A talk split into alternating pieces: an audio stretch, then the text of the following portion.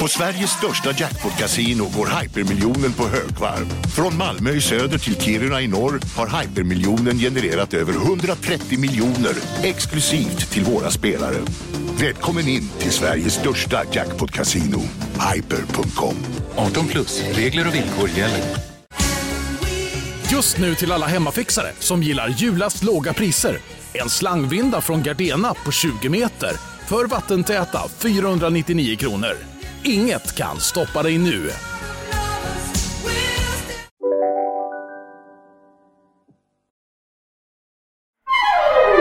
Du lyssnar på en podd från Perfect Day. The Swedes, they have one player from France, four from West Germany, five come from the Malmo club, and the odd man is Bjorn Nordqvist of Gothenburg, who takes his imposing total of caps today to 110. Och som ni hör så växlar vi ju lite mellan Argentinas VM och Sveriges VM. Och om vi går tillbaka till Sverige nu så är det väl rätt fin stämning inför Österrike, eller? Ja, det får man nog säga. För ja, det svenska laget hade valt bas på Hotel Libertador mitt i Buenos Aires. Och till skillnad mot många andra landslag så fanns det liksom inga egentliga, jag ska inte säga att det inte fanns några regler, men det fanns definitivt inga förbud mot att röra sig fritt. Och det hade flera andra landslag infört. Men svenskarna fick förtroendet att röra sig och komma och gå som de ville. Och god stämning efter det första krysset, ja, det var det väl. Och kanske ledde det till lite väl stora utsvävningar. Det är i alla fall en sån här gammal journalistskröna som alltid har cirkulerat att det blev utgång för en stor del av de svenska spelarna inför den andra gruppspelsmatchen.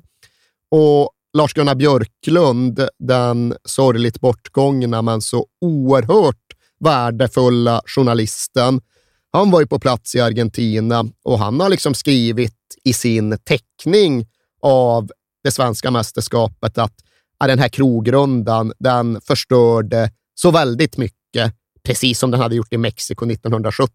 Så han satte ändå sitt namn under en skriftlig utsaga om att landslagsspelare i praktiken hade festat bort VM. Och det, detta förnekas då? Detta förnekas av de flesta andra, Aha. så det finns ingen riktig klarhet i Nej. detta. Men det som det har uppstått större klarhet kring långt i efterhand, det är ju något långt mycket mer dramatiskt. Och vet, du har hört Ralfs historia, eller? Ja, när han går ut och blir eh, Ja. ja, approcherad kan man säga av två konstiga män. Va? ja, men Ralf Edström, han har varit på eget bevåg och som jag förstår på egen hand ute på något fik eller någon restaurang någon av de här mellandagarna. Och han sitter där liksom öppen för världen och nyfiken på den och hamnar i samspråk med en herre vid bordet intill. Och den personen visar sig vara regimkritisk och berättar för Ralf om sin syn då på diktaturens Argentina. Och Ralf tog in detta och berördes väl av det och uppskattade den här mannen och hans berättelse. Så innan de skildes åt så kramade de om varandra. Och det sätter han ju då själv i samband med det som händer en eller ett par dagar senare då han är ute och promenerar i kvarteren runt hotellet.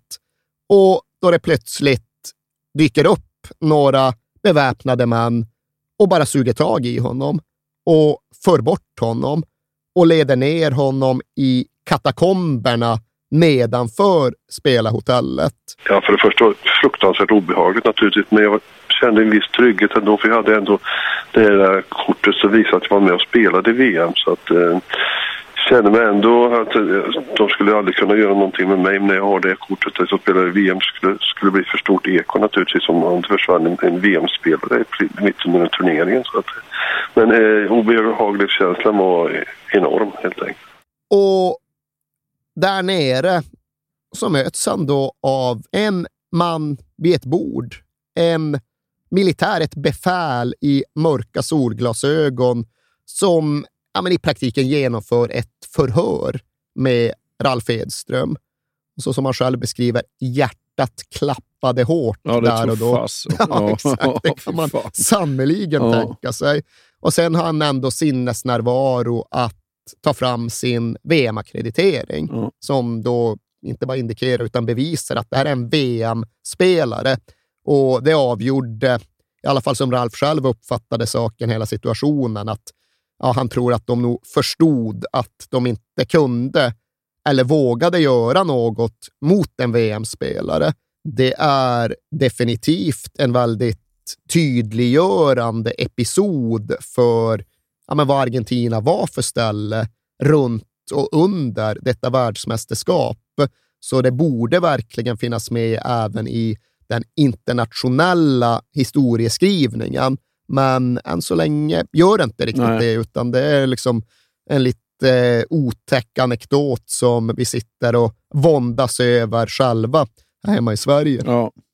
Men sen är det dags att möta Österrike på planen i andra matchen. På Veles arena i Ja. Sarsfield. Där skulle man ha varit, Ja. kanske, jag vet inte. Men det fanns ju tillförsikt och tro på det svenska laget och möjligheterna in i den här andra matchen. Liksom, kryss mot Brasilien. Ja. Vad fan, Österrike, det är väl bara att ösa på. Ja. Men för de som tittade noga och kände till bakgrund så fanns ju den här inbyggda obalansen i det svenska laget. Och den blev ännu tydligare när Staffan Tapper gick sönder och utgick skadad och mittfältets sammansättning därefter förändrades. Nu är det liksom ännu tydligare här med att Bosse Larsson och Lie Larsson, de hade sina instinkter från Malmö och från HBK. Men när de klev på så avvaktade andra. Och det säger sig självt att det här blir ett rätt ihåligt och poröst lag med stora avstånd sinsemellan. Ja. Och det utnyttjar ju verkligen Österrike. Det ska sägas att segermålet de väl får göra, det är väl inte helt självklart. Nej, alltså det, du sa att det var svårt för straffar. det här är den enklaste straffen jag sett. Fair enough, det är ett giltigt Den är ju påpekande. 100% feldömd. Alltså. Ja, Björn Nordqvist, 36 år gammal, han kanske inte riktigt följer med, men han hinner ju avbryta sitt tacklingsförsök innan någon duell egentligen ens har uppstått. Och Krankel är det väl, faller ändå. Ja. Och så får de sin straff och så rullar Krankel in den. Och segermålet borde de väl aldrig ha gjort. Nej. Men de hade mycket väl kunnat göra fyra, fem andra mål istället. Ja. Det är Krankel och det är Herbert Prohaska. Och det är ett rätt bra österrikiskt lag mot ett svenskt lag vars sprickor nu inte längre går att sminka över. Så slutresultatet är odiskutabelt och det svenska VM-äventyret är inte därmed över, men nu är avancemangschansen väldigt liten.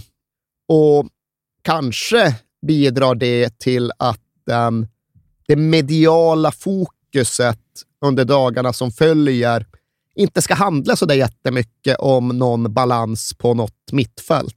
Det ska handla om andra saker. ja, för nu kommer verkligen politiken upp i ljuset här. Ja, och det ljuset hade ju för sig kunnat vara ännu starkare. För även här kan jag känna att ja, men vårt svenska perspektiv, det blir inte riktigt representerat när världen ska skildra Argentina-VM. För ganska ofta heter det att ja, spelarna de var ju helt isolerade och instängda, så liksom ingen kom ut i samhället eller besökte några protester eller demonstrationer. Några påpekade att jo, men det var ju några skadade holländare som faktiskt tog sig förbi Plaza del Mayo. Men det faktum att nästan halva den svenska truppen aktivt sökte sig dit för att, eh, om inte besöka, så i alla fall bevittna mödrarna, det, det verkar folk inte känna till. Nej, precis. Men så var det i alla fall, Ja. att dagen efter förlusten mot Österrike så är det en liten svensk delegation med åtminstone 7, 8, 9 spelare som eh, tar sig till Plaza del Mayo klockan 15.30 på torsdagen för att se ja, men vad allt det där egentligen handlade om med egna ögon. Och det är såklart Roland Andersson och Roy Andersson och Staffan Tapper och tror jag någon av de andra MFF-arna. Men det är även Björn Nordqvist och Kent Karlsson och Ralf Edström. Och det har ju också Ralf pratat om. Han säger dels, ja, man fattar att de inte gick där för att de tyckte det var kul. Nej, det är en korrekt analys. Ja. Men han har också refererat till liksom enormt gripande scener. Och det gick inte världspressen totalt förbi, för jag själv läste en artikel i franska Le Monde under researchen som refererar till detta och det ska ha varit något inslag i belgisk tv, men inte särskilt välrapporterat. Och det kan jag på ett sätt känna blir lite orättvist gentemot den här svenska landslagstruppen, där engagemanget och medvetenheten och nyfikenheten var stor, i alla fall på individuell nivå. Ja. Och kollektivt så går det nog att säga att framför allt flera av MFF-arna var ideologiskt intresserade och ideologiskt drivna. Ja. Roland Andersson mer än någon annan, för liksom, jag vet ju det att han brukade så här, skicka tidningsklipp från KPMLRs tidning till journalisten Olle Svenning. Och det tycks nästan ha krävts ett politiskt intresse när man kom in där. Och kanske krävdes det även ett visst typ av politiskt intresse. Jag vet inte, men jag har ju hört från journalister som var på Argentina-VM att det fanns liksom någon typ av slitning i MFF-gruppen för att den här unga nykomlingen, Ingemar Erlandsson, han var egenföretagarson. Det skulle inte passera utan att problematisera. Och det har också journalister berättat, ah, han kunde råka illa ut. Även Torbjörn Nilsson har pratat om att ja, men någon gång kom han in till en av MFF-spelarnas hotellrum under en av de här pågående diskussionerna. Eller jag vet inte om diskussion är rätt ord. Torbjörn Nilssons ord var att ja, de äldre MFF-spelarna skulle lära Erlandsson, citat, vad livet handlade om. Ja. Han satt nästan och grät. De var ganska tuffa Ja. mot honom. Så kanske fanns här någon sorts konformism och någon typ av krav på ett och samma tänkande. Men det ska också sägas att exempelvis Conny Torstensson angrep situationen från det andra hållet. När han skulle prata om, alltså så här, men vadå, vi har spelat i Sovjetunionen. Kan man Ja. spela i Sovjet så kan man spela i Argentina. Ja. Men då var det inte alls samma storm i debatten. Och giltigt påpekande. Absolut. Det går inte att säga något Nej. annat. Men oaktat Conny Torstensson så förblev ju då Roland Andersson truppens ja, men, ideologiska språkrör. Det är inte för stora ord, för även under VM, precis just de här dagarna efter Österrike-matchen, så gjorde han en ny intervju med Sveriges Radio där egentligen samma sorts frågor som åtta månader tidigare nu upprepades. Och han fick förhålla sig till huruvida han hade ändrat uppfattning om Argentina eller inte nu när han väl var på plats. Nej, jag tycker det är ett lika jävligt land. Som jag har tyckt hela tiden. Och även detta ett uttalande som hade genererat mer medial uppmärksamhet idag än det gjorde då. Ja. Men lika fullt även på den tiden en intervju som försvann lite i kölvattnet av en annan intervju som en annan medlem av landslagsdelegationen gjorde. För sen uttalade sig Åby Eriksson. Ja, förbundskapten Georg Åby Eriksson gör en intervju med SVT-journalisten Sven Strömberg. Och den här intervjun ska inte gå i Sportnytt, utan den ska sändas i Aktuellt. Ja. Och det är väl därför den har den inriktningen som den har. Nu ska det inte pratas zonförsvar kontra man-man, utan nu ska det diskuteras om värdnationen och tillvaron där. Och själv hann jag tyvärr aldrig träffa Georg Åby Eriksson. Han gick ju bort i början av 2000-talet. Men det ska sägas att alla som hade med honom att göra intygar ju samstämmigt att det fanns inte en ondsint fiber i karln.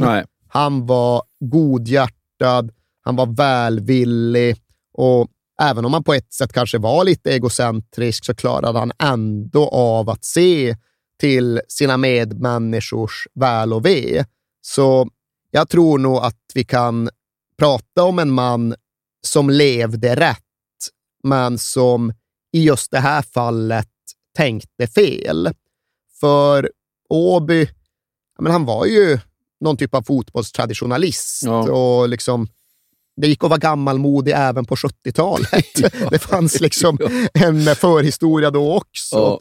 Och på vissa sätt kanske han var kvar i 50-talet. Ja. Och han var lite slängig och han liksom kunde kasta ur sig raljanta formuleringar och lita på att eh, sportjournalisterna inte skulle göra hönor av de fjädrarna. Men nu skulle han ju då inte prata liksom, omklädningsrumssnack med en likasinnad, utan nu skulle han göra en samhällsanstruken intervju med en SVT-journalist. Och Det kan man ju tycka att Åby borde ha förberett sig på och det gjorde han kanske också, men på ett sätt som inte en pressavdelning hade rekommenderat. Nej. För han var ju han, han bar ju på en irritation. Han tyckte ju innerligt att det här med att fotbolls-VM hela tiden skulle sammanlänkas med en politisk situation, det var fel. Ja. I grunden var det fel. Du ska inte blanda ihop idrott och politik. Det var Åbys innerliga uppfattning. Ja. Och jag själv tycker ju att den funkade minst lika dåligt 1978 som idag, men där någonstans låg ändå hans utgångspunkt. Och jag tror just att trycket i honom hade nog vuxit under mer än ett års tid. Och liksom inför turneringen, ja, då skickade faktiskt SVT sin Latinamerika-expert Jan Sandqvist till spelarhotellet för att informera. Och det gillade inte Åby alls. Liksom. Nej, det är splittrat fokus och liksom politisering av fotbollen. Och nu kanske han liksom bara kände att jag måste få ur mig allt det här. Jag måste faktiskt säga också, för att när, jag, när vi gjorde research jag satt och jag hörde den här intervjun så var jag tvungen att direkt höra mig med till Erik. Har du hört den här intervjun? Jo, och det hade jag ju. Och Erik bara, det kan du ge dig fan på. ja. ja. men den är ju en helt ofrånkomlig del av vårt blågula VM 1978. För den är ju någonstans det yttersta beviset på hur fel det kan bli ifall man inte klarar av att se den stora bilden, ett deltagande och en medverkan i den här typen av arrangemang. Och ja, Vi får ju helt enkelt lov att lyssna. Kanske inte på hela intervjun, men i alla fall på ganska väl tilltagna delar av den. Jag förstår att det är farligt att säga vad man tycker här i Sverige för att vi är ju mästare i att tala om hur, hur det är i andra länder och hur folk lever. Det här är alldeles utomordentligt. Vår vistelse här är, är toppen. Vi bor bra, träffar underbart fina människor på gatorna. Vi applåderas när vi går på stan, vi applåderas i bussen. Alla människor är vänliga, ser ut att ha glädje och, och eh, jag har inte sett någonting. Jag har heller inte sökt upp någonting, är det bäst att säga. Jag har inte sett någonting som tyder på att, att det inte är ett, ett fint land det här. Och eh, vi, vi, som sagt, vi tycker det är skönt. Och eh, jag undrar ja, om ett folk som man säger hemma är sådär nedslaget och tycker allting är tråkigt. Hur de då kan visa sån oerhörd glädje för sitt eget land. När, de, när Argentina vinner i fotboll så är ju varje människa i det här landet tydligen alldeles överförtjust och, och glada. Och, Ja, ja, jag tycker att vi ska sluta med sådana här grejer hemma i Sverige och, och försöka klara vårt eget ställe. Det är bättre att sätta in resurser där. Vi har inte känt någon politisk press för vi har egentligen aldrig trott på det här tjafset man håller på med hemma. Och hur landade den här intervjun? Ja, den landar ju såklart inget vidare och det hela förstärks också av att Aftonbladet skickat ut en ung hungrig reporter, Janne Kotschak.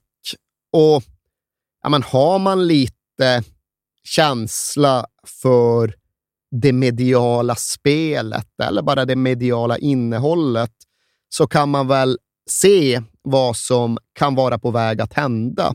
För man har följt landslaget har man nog märkt vad Åby känner för hela den här diskussionen.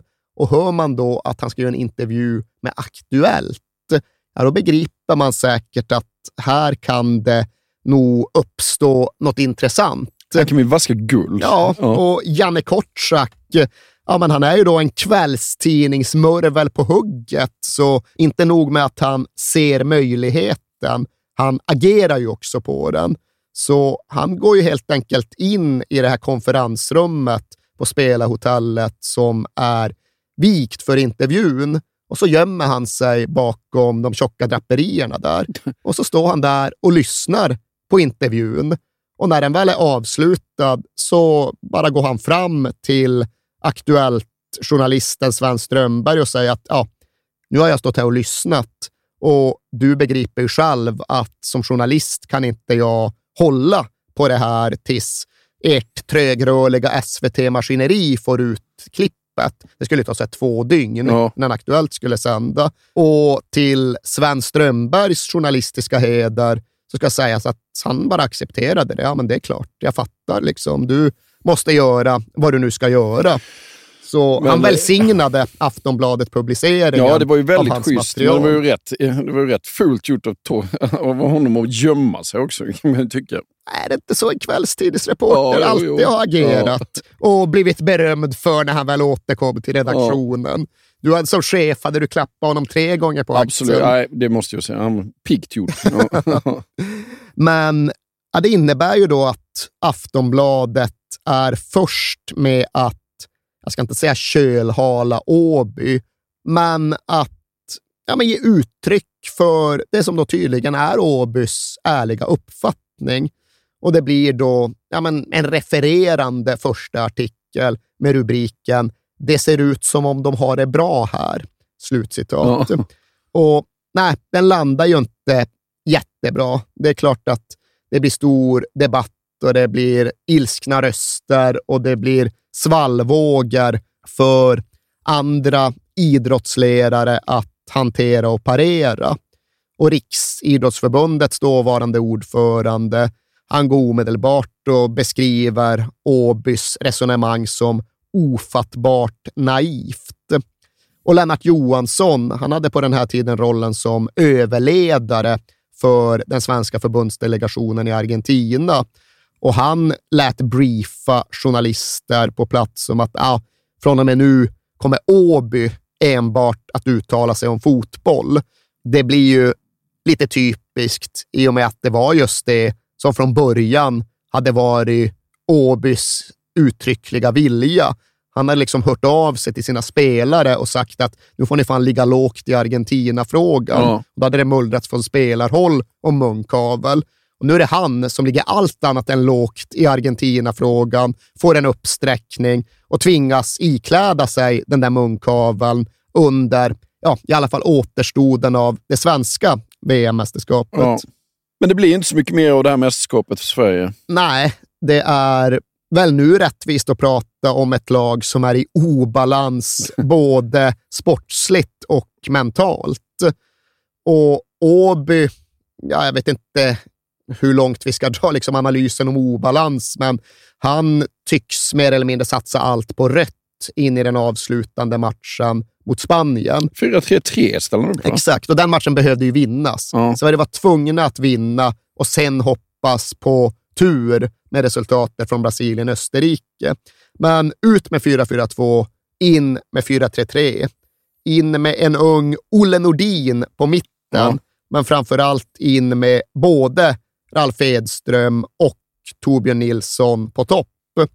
Och det lät väl kanske aptitligt, men det funkade ju inte, Nej. för det var inte ett lag som visste vad de skulle göra, än mindre ett lag som satt ihop.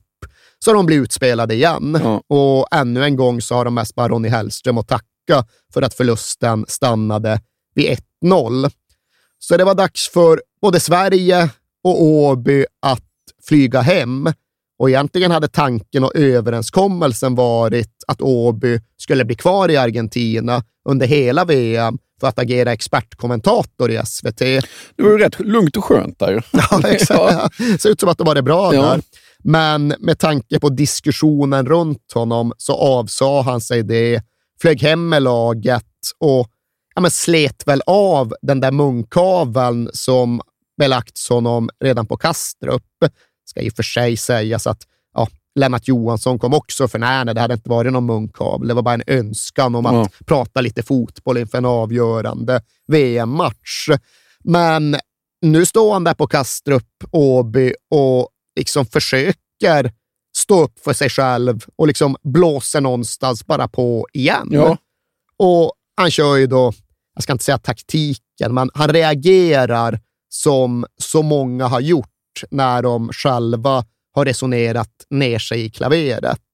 Det är ju massmedia som har vantolkat och det är ju vinklingar som har ställt till allting. Och han går ju hårt på den linjen i början och uttrycker någon sorts oro för liksom hela den svenska demokratin när nu journalistiken förvanskar och förmedlar desinformation på det här sättet. Fast eh, han sa ju det här i en tv-intervju. Det var ju någonstans det som var en rätt stor del av problemet. Och när han sen då hade fått ur sig det där om hur missuppfattad han ändå hade varit, så var det ju en journalist på plats som bara ställde en naturlig fråga. Okej, men vad tycker du då? Vad, vad menar du egentligen? Och då var det pott igen. och ja, men här får vi citera så ordagrant vi bara kan. Det Åby nu säger, det är att okej, ja, men det jag egentligen menade var så här. Går man ut på gatorna i Argentina möts man av välvilliga och hyggliga människor. Framför allt möts man av nyktra och positiva människor. På fotbollsarenan ser man heller inget fylleri eller öldrickande eller några skräniga publikmassor. I Argentina verkar det som om publiken kommer till stadion för att titta på fotboll. Sånt uppskattar jag och sånt skäms jag inte för att tala om. Och det var just den saken jag ville poängtera i tv-intervjun. Det politiska har jag aldrig uttalat mig om. Jag har varit där som svensk förbundskapten för fotbollslandslaget och det var som sådan jag återgav mina intryck från Argentina. Och det där hade han kanske kunnat snubbla hem hjälpligt Ja. ifall det var det enda han någonsin hade sagt. Men när det nu las på ja, men det som fanns bandat från tre, fyra dagar tidigare, så var det inte det som behövdes. Det behövs en ursäkt Ja, här, precis. Det behövs ett erkännande av en förståelse för att här hamnade jag faktiskt fel. Ja. Men något sånt kom ju aldrig. Nej. Och hela problematiken späddes väl dessutom på av att andra medlemmar ur den svenska delegationen tycktes ha en vilja att liksom, ja, men, sluta upp bakom Åby som de gillade så mycket. Och de hade väl säkert suttit vid sina middagsbord och liksom snackat ihop sig där borta och liksom bekräftat varandra och på så sätt hamnat i någon märklig typ av kollektiv slutsats. För liksom den svenska kocken var ute och snackade om hur jävla gött de hade det i de argentinska köken. Ja. Det var glatt humör på dem. Ja. Den kökspersonalen ska vi veta. Ja. Och det fanns någon som hette Sigge Berg från förbundsstyrelsen som någonstans ville försöka döda diskussionen med trumfkortet. Om det nu skulle vara så svårt i Argentina, ah, varför har då ingen motståndsman tagit kontakt med oss på hotellet och förklarat sig? Nej. Det finns en del anledningar till det, Sigge Berg. Ja. Inte minst hade du kanske kunnat prata med Ralf Edström som kan berätta vad som händer med någon som enbart har pratat med någon typ av dissident. Ja. Ifall du då är den dissidenten och aktivt försöker söka upp de här deltagarnationernas representanter, det kommer inte sluta bra. Nej. Och det önskar man ju att fler hade förstått i den svenska VM-delegationen. Och det här gör verkligen inte Åby Eriksson till en ond eller dålig Verkligen människa. inte. Det vill vi säga med Men då har du redan poängterat. Ja, men det, ja. men det kan vara värt att göra Ja. en gång till. Och det är just för att vi också måste säga att här hamnade han fruktansvärt snett och fel. Ja. Och tyvärr tog det ju också på honom. Tog rätt hårt på honom, för han klamrade sig fast vid jobbet som förbundskapten lite längre. Men EM-kvalet som följde blev ett fullständigt haveri. Och Åby Eriksson själv utvecklade någon typ av stressrelaterad astma Ja. i samband med detta. Och tydligen ska det vara något som han halvt på skämt, halvt på allvar slängde på berörda journalister många år senare. Ja, där är ni igen. Det var ni som gav mig den här astman. Och det är då knutet till rapporteringen från VM i Argentina. Nej, Åby, det var du själv som gav dig den astman. Ja. Men vi ska inte köra en lång vad hände sen med vare sig det svenska landslaget eller var och en av centralfigurerna. Men när vi nu har pratat om Åby på det här lite förbryllade sättet och samtidigt hänförts av Roland Anderssons klarsyn och tydlighet måste vi ju även slå andra serven i det sammanhanget. ja, för när han blir assisterande förbundskapten några år senare så är det ju lite annat ljud. va? Ja, och även här vill jag ju vara noga med att inte just vantolka eller missförstå med flit eller bygga upp en snurrig tanke till en dålig person. Utan jag har verkligen stor respekt för Holland Andersson och det han har uträttat både på och utanför planen. Men allt detta gör det ju nästan ännu mer svårtuggat det här som hände runt herrlandslagets besök i Saudiarabien 2006. Och redan här kan vi konstatera att det är ju lite ögonbrynshöjande att Roland Andersson själv valde att jobba nere på den arabiska halvön i så hög utsträckning. För innan han blev assisterande förbundskapten så hade han ju varit två vändor i Saudiarabien på 80 och 90-talet. Och sen hade han varit i Qatar och i Förenade Arabemiraten. Och det är ju inte jobb han har behövt ta i länder som han måste besöka, utan det har såklart varit aktiva val han har gjort. Och det har säkert varit väldigt liksom, berikande och har ökat hans kulturella förståelse.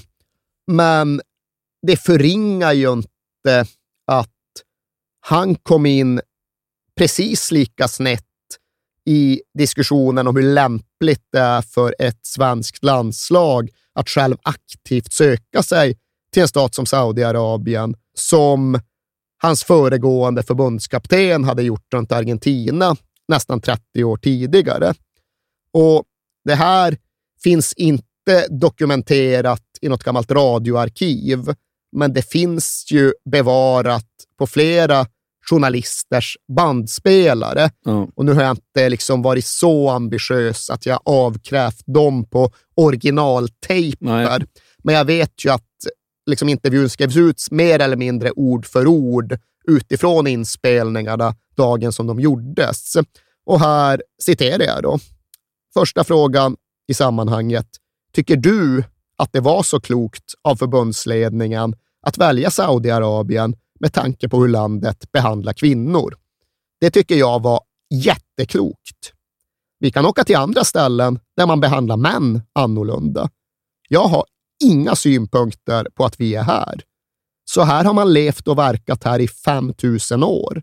Svenskar kan inte bara komma hit och sätta en svensk stämpel och säga att det är vi som har rätt och de som har fel. Så enkel är inte världen. Uppföljningsfråga. Men man kan väl undvika det? Man kan undvika Sverige också. Man pratar om att det är avrättningar här. Det är i Sverige också, där folk blir skjutna på öppen gata. Och det kvittar vad jag säger. Nu är det så här. Jag kan tycka både det ena och det andra, men så här har det varit i 5000 år och det är inget jag kan ändra på. Jag har levt i de här trakterna i sju år och lärt mig mycket av det. Och kommer de till oss, lär de lära sig en del av oss. Och när det här då rapporterades, ja, då följde ju en medievåg som påminner en hel del Ja. om 78. Och tyvärr följde ju även en reaktion som påminde rätt mycket om 78. Är felciterad, är missuppfattad. Okej, men här är inspelningen. Exakt så här sa du ju. Ja. Ja, nej, kanske uttryckte jag mig olämpligt, men det är fortfarande så att jag inte blir korrekt tolkad. Och min externa bild av hela grejen, det är väl det här att efter sju år på arabiska halvön, då var väl Roland Anderssons känsla, som säkert hade byggt upp inom honom, Ja. att det är så jävla lätt att sitta i Sverige och tro att man vet och kan och kan diktera villkor för andra. Det är inte rättvist mot alla de fantastiska människor som Roland Andersson säkert hade lärt känna och liksom det som är positivt med den här kulturen. Men hur man än vrider och vänder på det så fastnar ju Roland Andersson i precis den fälla som han så skickligt och medvetet undvikit 1978. Och uppriktigt också. Alltså, det kändes ut som på den tiden. Ja, och jag vet inte fan, det kan sägas mycket om hur man kan bli liksom mer reaktionär när man blir äldre. Jag har ingen aning om det det det handlar om här. Utan jag tror att det nog utgår ifrån just den här viljan att ja, men vi ska inte stövla in här och tro att vi kan vara hela världens hjärna och moraliska samvete. Och det är väl kanske en begriplig grundinstinkt. Men här behöver ju Roland Andersson naturligtvis tänka två, tre steg längre, hur man än liksom försöker förstå och förmildra. Det är klart att det där inte var acceptabelt att uttrycka i rollen som assisterande förbundskapten för herrlandslaget. Det är helt omöjligt att hävda.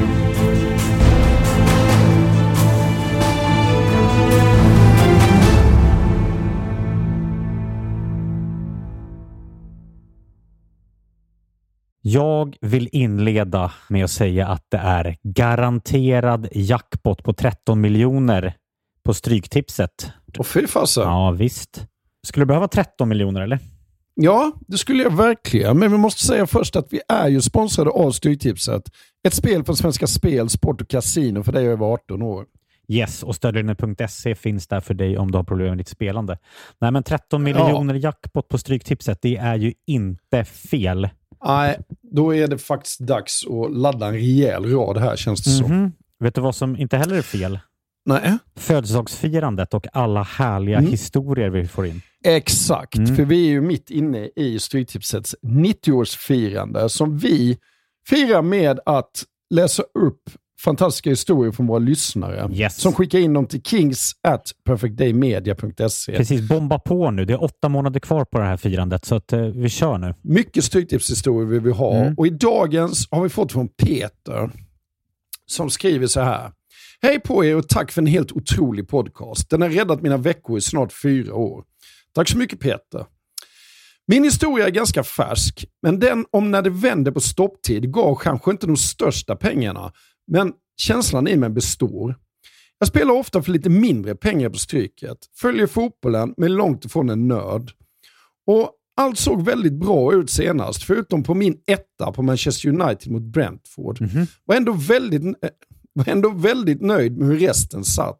Men på stopptid satte min nya favoritspelare, skotten McTominay, två mål och vändningen fullbordades. 64 rader blev 12 000 kronor. Tack för en bra Det är podd. otroligt. Ja. Tack för en bra historia Peter. Ja, och som man älskar Scott McTominay. Gör man inte det? Ja, det, gör man faktiskt. Han- Han liksom kommer in i straffområdet jävligt bra faktiskt. Mm. Vi säger stort tack till våra vänner på Stryktipset. Tack.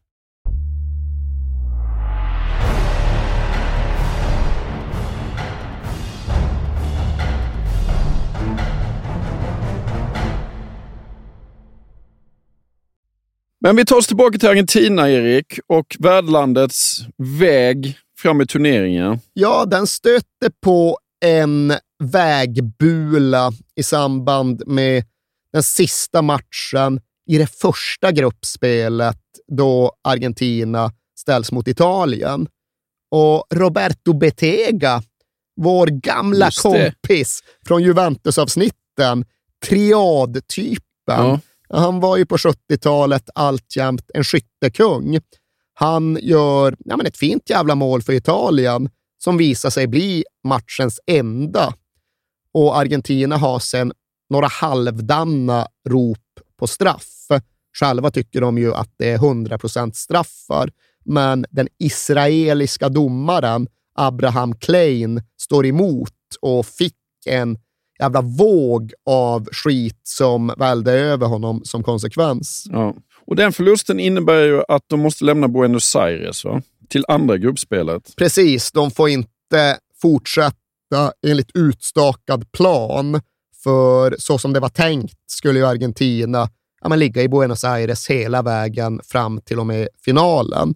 Men som grupp två var det nu bara att packa väskorna och åka till Rosario. Ja. Ditt välbekanta gamla Rosario. Gamla fina Rosario. där de till en början ställdes mot Polen.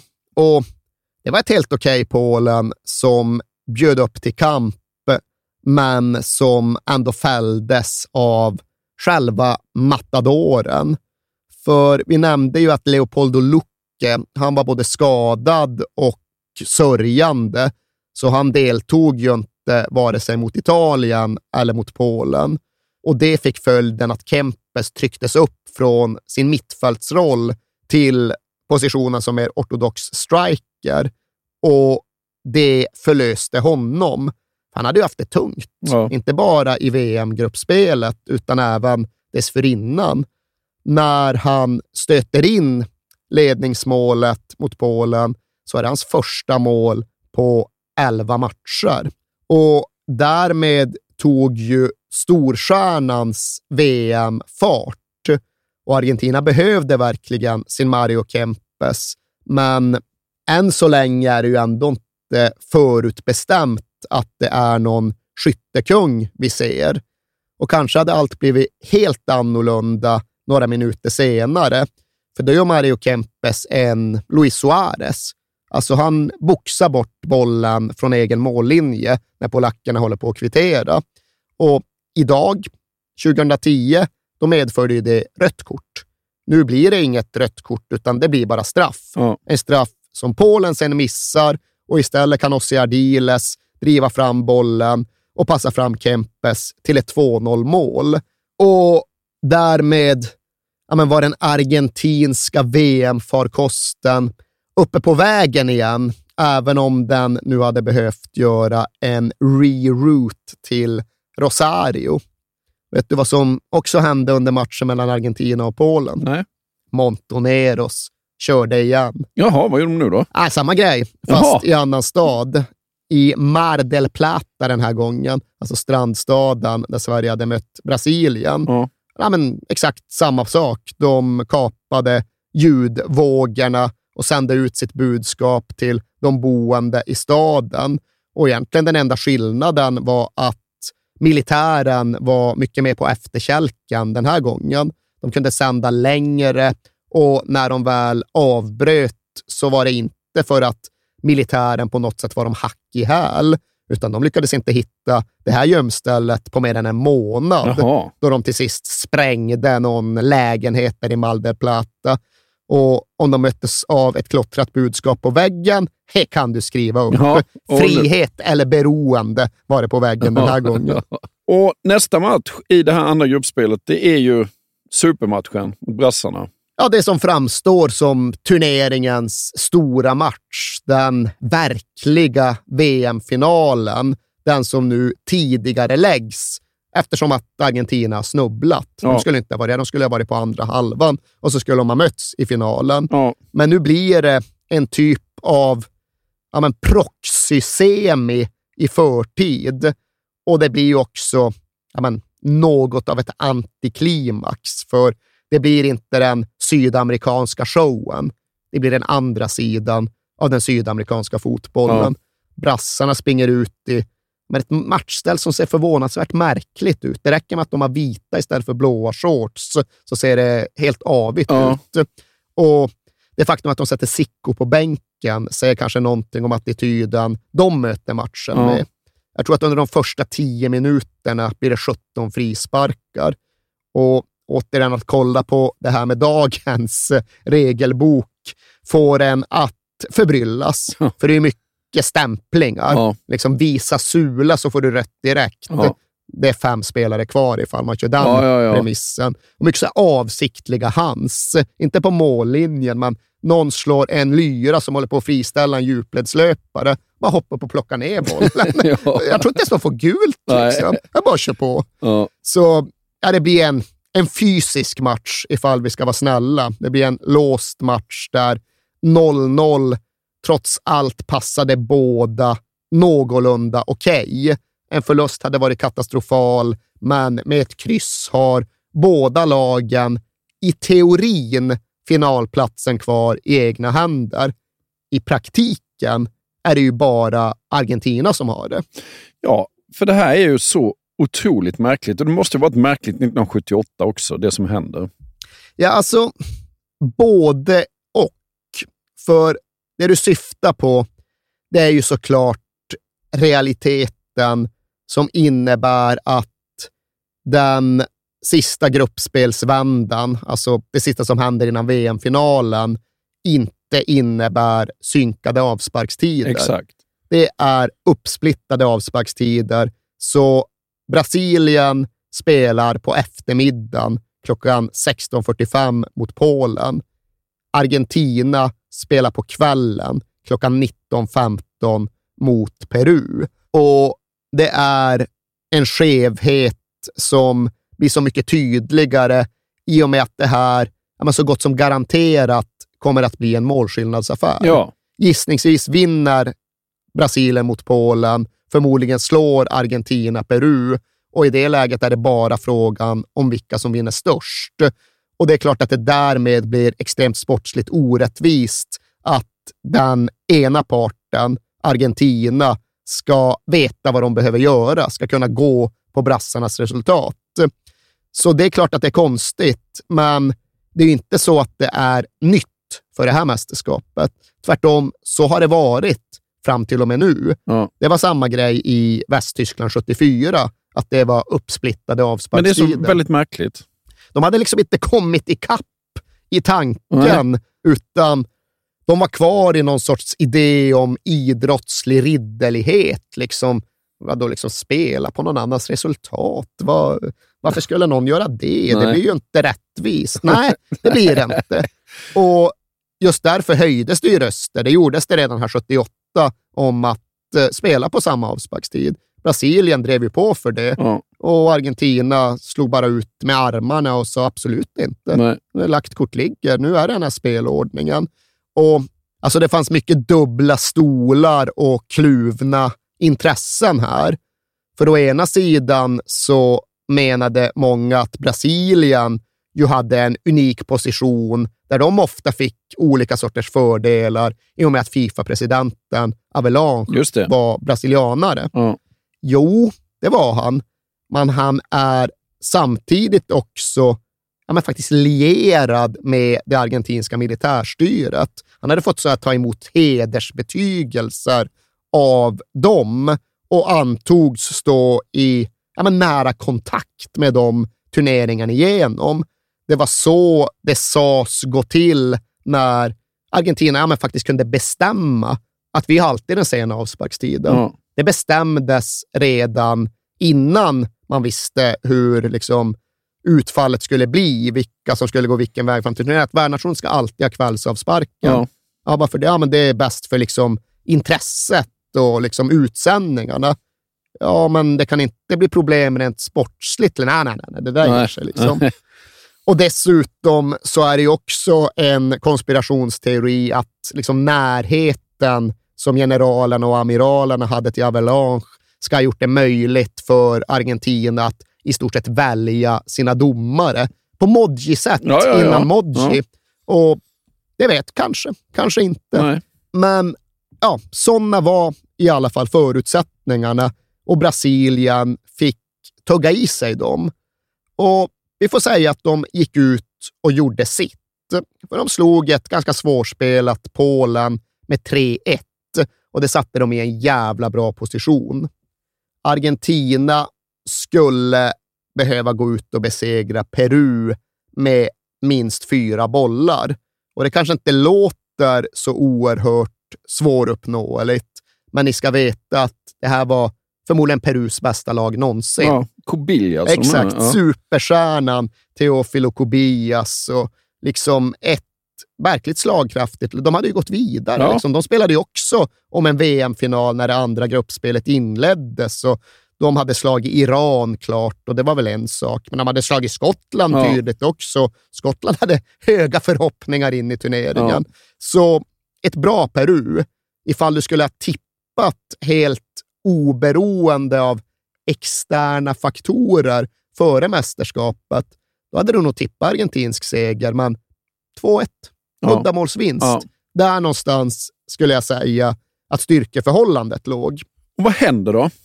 Det vet vi inte. Nej. Det vet vi fortfarande inte. Eller ja, vi vet vad som händer. Ja. Men vi vet inte vad som händer och vi vet inte varför det händer. Men vi får försöka pussla så gott det går med de fragment vi har och försöka sortera det bekräftade från det osäkra. Och det som är bekräftat, det är ju att Perus lag plötsligt får besök i sitt omklädningsrum strax före avspark. Och det är då general Jorge Videla, alltså Argentinas sittande statschef och militärdiktator, som hälsar på för att säga några ord. Och enligt nästan unisona uppgifter, det finns någon som hävdar motsatsen, men de allra flesta säger att han även hade med sig i släptåg Henry Kissinger.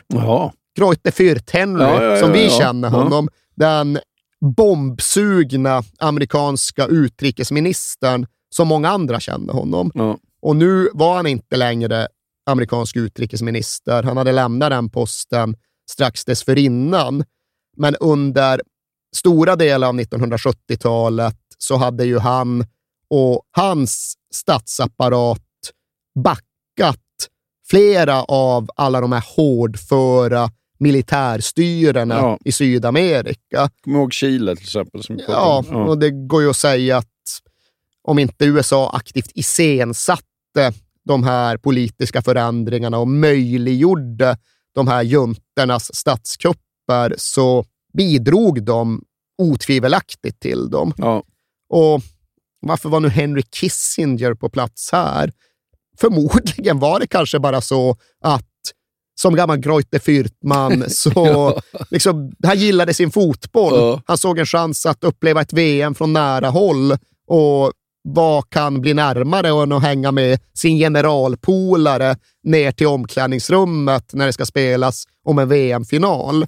Så- Eh, lå- Fan vad märkligt låt alltså. Jo, Ja. men jag vet inte heller det andra också, men skulle hans närvaro på något sätt implicerat amerikanskt politiskt tryck på peruanska Nej, fotbollsspelare? Det blir men, liksom men, men, men det bara låter så jävla konstigt och apart. Ja, liksom. nej, det, allt Ja. är ju konstigt, Ja. men det har hänt. Det har definitivt hänt att general Jorge Videla var i Perus omklädningsrum. Och sånt händer ju inte. Ja, ja. Nej, nej. Alltså, det är inte så att eh, Kroatien möter Ryssland i VM-kvarten 2018 och helt plötsligt dyker Putin in i Kroatiens omklädningsrum en kvart före match. Nej.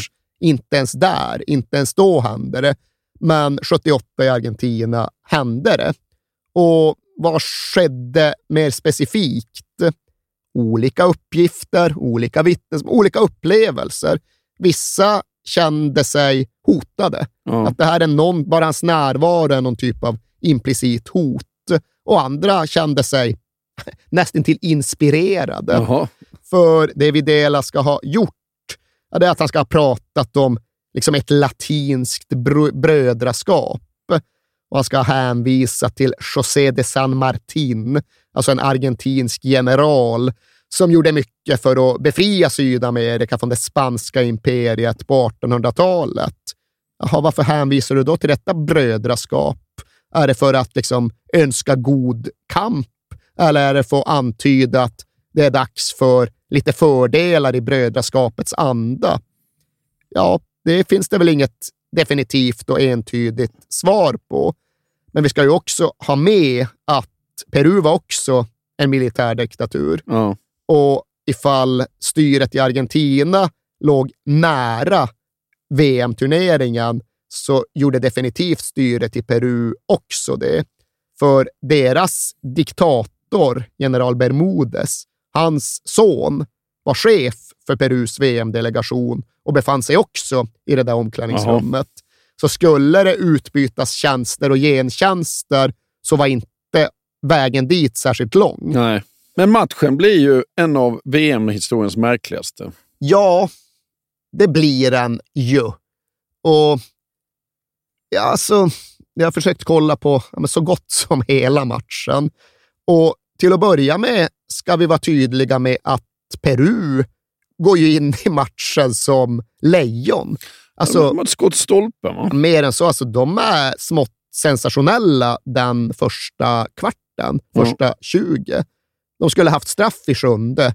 Det var svårt att få straffar i VM generellt, men förmodligen svårare att få straff i Argentina, mot Argentina i Rosario oaktat backdrop. Ja. Den typen av domarpsykologi har vi väl sett förr, men jättestraff för Peru efter sju minuter. Ja. Sen då det här stolpskottet efter tio av Muñante och därefter ytterligare tre, fyra avslut, en riktigt bra chans efter en kvart. Så otroligt stark öppning av Peru. Innebär det att de därmed friskrivs från de misstankar som ska följa? Nej, jag tycker inte det. Nej. För det är ju någonting som ofta sägs. Ja, men vadå, tror ni att den där peruanen är så skicklig att han själv kan välja om han skjuter stolpe in eller stolpe ut? Nej, men skulle jag driva tes eller vara djävulens advokat här så finns det väl ett scenario där, i den mån det existerar en överenskommelse, kanske ser ut så att ja, men gå ut och kör som fan i 20 minuter för att just visa att ni ska göra en helhjärtad insats. Exakt. Och oavsett om det sen står 0-0 eller 2-0 till er så kan ni därefter börja lyfta på foten från gaspedalen. Ja. Jag vet inte om det är det Peru gör, men det som händer är ju i alla fall att de går från en urstark inledning till att sen vara totalt väck i resten av matchen. Catarina Kempen. 1-0. Bertoni's corner. Knocked in. Tarantini. Mål förändrar matcher, brukade vår gamla förbundskapten Erik Hamrén säga. Och det hade han ju rätt i. Men förändrar de matcher så här mycket? Det kan ju vara liksom en infallsvinkel. Jo, men Peru försökte och sen fick de det här baklängesmålet. Och sån är ju fotbollens psykologi. att Gör du inte mål på dina chanser vet du att det kommer straffa dig. Så då kanske de sjönk ihop och tappade lusten. Ja, kanske det. Men alltså sen är det ju som att möta ett pojklag. Ja, målvakten är ju... Alltså, Alltså, ja, vi, vi kommer till målvakten, Ja. men Peru, alltså efter den här forceringen i början, sen Argentina ju 1-0, närmsta tio minuterna har de till att börja med två bollar i virket och de skulle haft ytterligare en straff efter, om det är 35 någonting. Ja. Ifall det finns liksom mutor och hemmafavoriseringar i den här matchen, ja, vi kan fan inte lasta huvuddomaren, för han berövar Argentina på ett par straffar.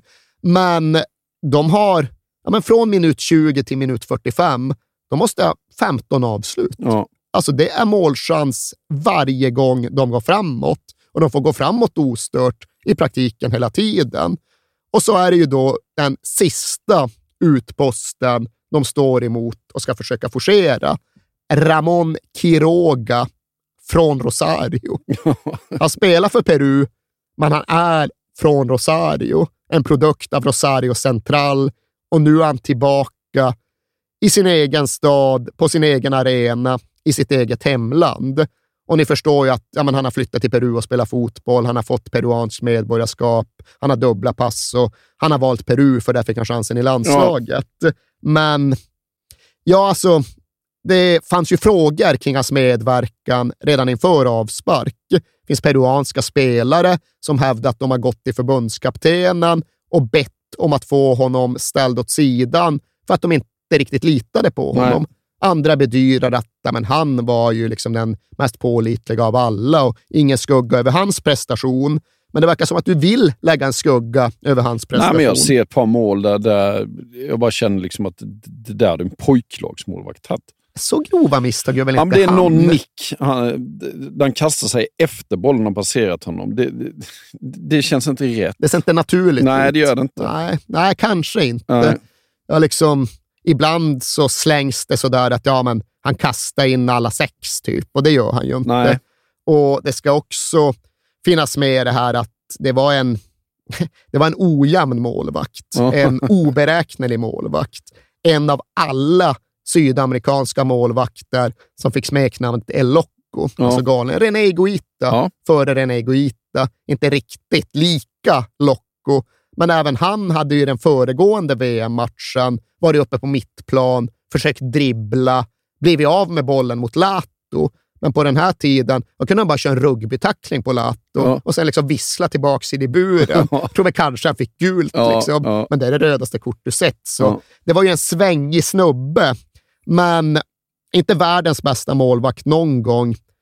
Inte en speciellt bra målvakt överhuvudtaget den här gången. Men jag ser inte på den här matchen och känner att Argentina vann med 6-0 för att målvakten var köpt. Däremot kan jag titta på den och undra, liksom, scenförändringen från minut 20 och framåt, är den verkligen naturlig, organisk, möjlig att förklara? Ja. Och jag vet det fan. Nej. Jag vet det fan. Nej. Vad blir efterspelet då? Ja, alltså det pågår väl fortfarande, Ja. höll jag på att säga. Det är ju alltjämt så att ingen med stark bevisning i ryggen har lagt fram en förklaring som accepteras unisont. Liksom vi pratade om Italien, VM 2006, mystiken som fanns kring Materazzi och Zidane. Ja, men det är ju löst nu. Ja. Vi vet exakt vad som sades. De har berättat, det är ingen diskussion. Här vet vi fortfarande inte. Och det första och det största som hände när väl den initiala krutröken lagt sig och VM spelats klart, det skedde väl i mitten av 80-talet. Och det är det som det oftast refereras till som någon typ av bevis. Och det är ju den här indiciekedjan som publicerades och den gjorde ju gällande att det hade utväxlats saker på nationell nivå som en följd av den här VM-matchen. Peru skulle ha fått 35 000 ton spannmål Ja. och därtill en del vapen. Och det skulle ha tinats upp en massa frysta peruanska tillgångar och det skulle ha tilldelats den nationen någon sorts frikostig checkkredit. Och det skulle för den delen dessutom ha förelegat individuella mutor till både peruanska militärer och peruanska spelare. Och det här skulle då ha kommit hela vägen från toppen, från general Jorge Videla som givit mandat till amiral Lacoste att vända sig till Perus militärstyre. Och Det här var ju liksom en ganska omfattande och detaljerad rapport. Men den publicerades ju då ursprungligen i brittisk press. Jag tror det var Sunday Times, samma dag som England skulle möta Argentina i VM-kvartsfinalen 1986. Ja. Den tajmingen, den avsändaren räckte för att ja, så gott som hela det nu civila Argentina skulle avfärda det. Ja. Det här är ju liksom bara någon typ av mjuk krigs krigsföring som efterträtt den faktiska krigföringen. Ja. Det här är ju kort efter Falklandskriget. Ja, ja, Så i Argentina ses bara det här som ett försök att misskreditera nationen och ja, men för den delen störa fotbollslandslaget. I väst har den väl, jag ska inte säga att den har godtagits som en sanning, men hyfsat nära, va? Ja, alltså det slentrianmässiga. Nu när du bara googlar på det så är det ju väl att Peru blir mutade. Typ, på Ja, det är alltid Ja. de där jävla spannmålen. Ja, liksom. ja. Men journalisten som låg bakom hela den här granskningen, han hette David Jallup och han var, han var omstridd. Jag ska inte säga att han var liksom vare sig lätt att avfärda eller helt oomtvistat oantastlig. För alltså, han var då sannoliken en grävande journalist som gillade att börja nysta i sånt som många andra kanske hade sett som konspirationsteorier. Hans stora claim to fame, definitivt på den här tiden, men egentligen under hela hans karriär, det var att han hade skrivit en bok där han drev tesen att påven, Johannes Paulus den första måste det ha Ja, varit, ja. att han liksom inte hade dött en naturlig död, utan han hade blivit mördad av någon sammanslutning av frimurare som förgiftat honom. Och jag ska inte recensera teorin, men det var liksom i den typen av marker som han strövade runt och bedrev sitt arbete. Så jag kan inte känna att hans artiklar blev någon typ av bokslut för detta. Men han måste ju ha haft bra källor till det för att det ska publiceras. Jo, Sunday Times, The Times, det är ju ingen liksom lättvindig publikation. Så det hade han säkert. Och han har ju, jag ska inte säga att han har fått stöd av vittnen som trätt fram med sina namn, men där hans källor var anonyma så har det ju klivit fram berörda personer och pratat om en faktisk sammansvärjning runt den här matchen. Jag tror det var, ja, men det var för typ tio år sedan så gick en före detta peruansk senator som hette Genaro Ledesma ut och hävdade att det här var en match som kommit att omfattas av det som hette Operation Condor. Ja, just det. Är du bekant med kondoren? Ja, det är jag. Eh, men, men det har väl det med, med USA att göra Ja, också? exakt. Alltså, det var väl, precis. Ja. Men det var väl Kissinger? Ja, ja, det var väl precis. USAs policy, eller USAs liksom handlingsplan för att eliminera kommunism och socialism i Sydamerika. Och Det var ju allt det där med att istället understödja militärstyren. Och som en del av detta så etablerades ju även en massa samarbeten mellan de liktänkande sydamerikanska militärregimerna. Ja. Och dessa samarbeten kunde ju ha alla möjliga olika sorters utseenden. Det kunde vara fångutväxlingar och då syftar jag inte på liksom traditionellt militära fångutväxlingar där ja, men, ni får våra krigsfångar så tar vi era. Utan här ska det mera vara att peruanerna har rätt många jobbiga dissidenter som måste försvinna. Har vi något sätt som de kan försvinna på? Ja, för helvete. Ja, vi skickar ja. dem till Argentina. Där kan de få folk att försvinna. Smutsig fångutväxling Ja, det får man fan Ja, säga. ja. Som en del av ett smutsigt krig och en smutsig kondor. Och Det behövde inte vara så jävla makabert. Bland annat ska till exempel då spannmålstransporter ha varit en väldigt vanlig del av Operation Condor. Så det där med att det hade fraktat 35 000 ton spannmål, det behövde kanske inte vara så anmärkningsvärt just det. Det Nej. kanske inte var en smoking gun överhuvudtaget. Nej. kanske var något som skedde hela tiden.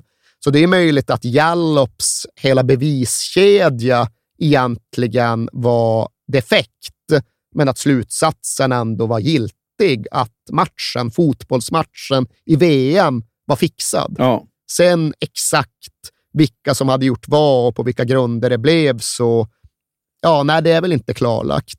Det är inte heller fastställt att den var uppgjord och jag kan inte heller säga det. Jag vet inte exakt i vilken utsträckning jag själv tror på det, men jag kan inte titta på matchen och känna att det här är en match bland andra. Nej, Det, precis. Så känns Nej. det inte. Nej.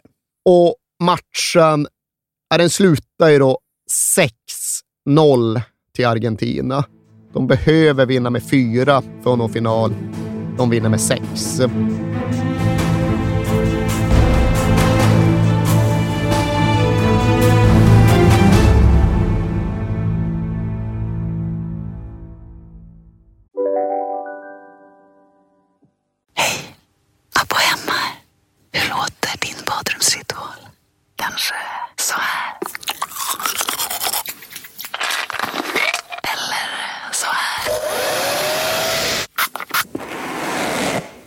Oavsett vilken ritual du har så hittar du produkterna och inspirationen hos Apohem. Välkommen till Momang, ett nytt smidigare casino från Svenska Spel, Sport och Casino där du enkelt kan spela hur lite du vill.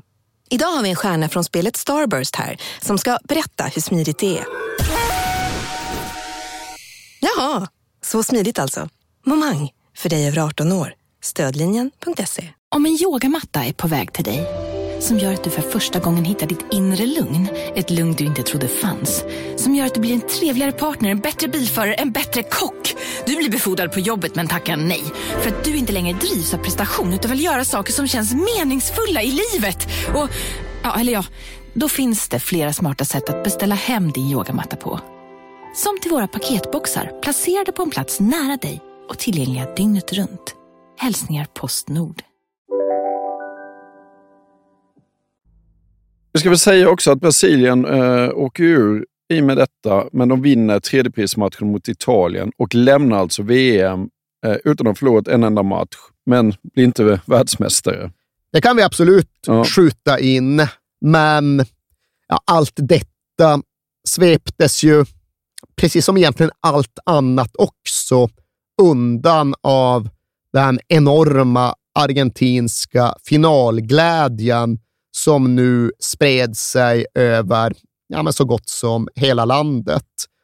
Lars-Gunnar Björklund, som sagt utsänd som svensk journalist, han rapporterar lite plågat om att det firades med citat osorterad musik nätterna igenom. ja. Finns något med begreppet osorterad ja, musik uttryck, som roar ja. mig. Och vi ska inte riktigt släppa det svenska bidraget till den här VM-månaden heller. Även om Åby hade åkt hem så hängde Tore Brodd kvar, alltså förbundsordföranden. Ja. Och han fortsatte göra rättrådiga saker. Formellt sett hängde han kvar i egenskap av, var någon sorts Fifa-kontrollant. Ja. Men han såg även till att få någon sorts besökstid hos en överste på det argentinska inrikesministeriet här i mellandagarna inför finalen. Faktiskt på självaste svenska midsommarafton. Mm. Så stövlar Tore Brodd upp där och meddelar att vi i Sverige, ja, vi vill veta var den svenska medborgaren Dagmar Hagelin finns. Så han ikläder sig rollen som ja, knappt ens diplomat, utan liksom regeringsföreträdare mer eller mindre.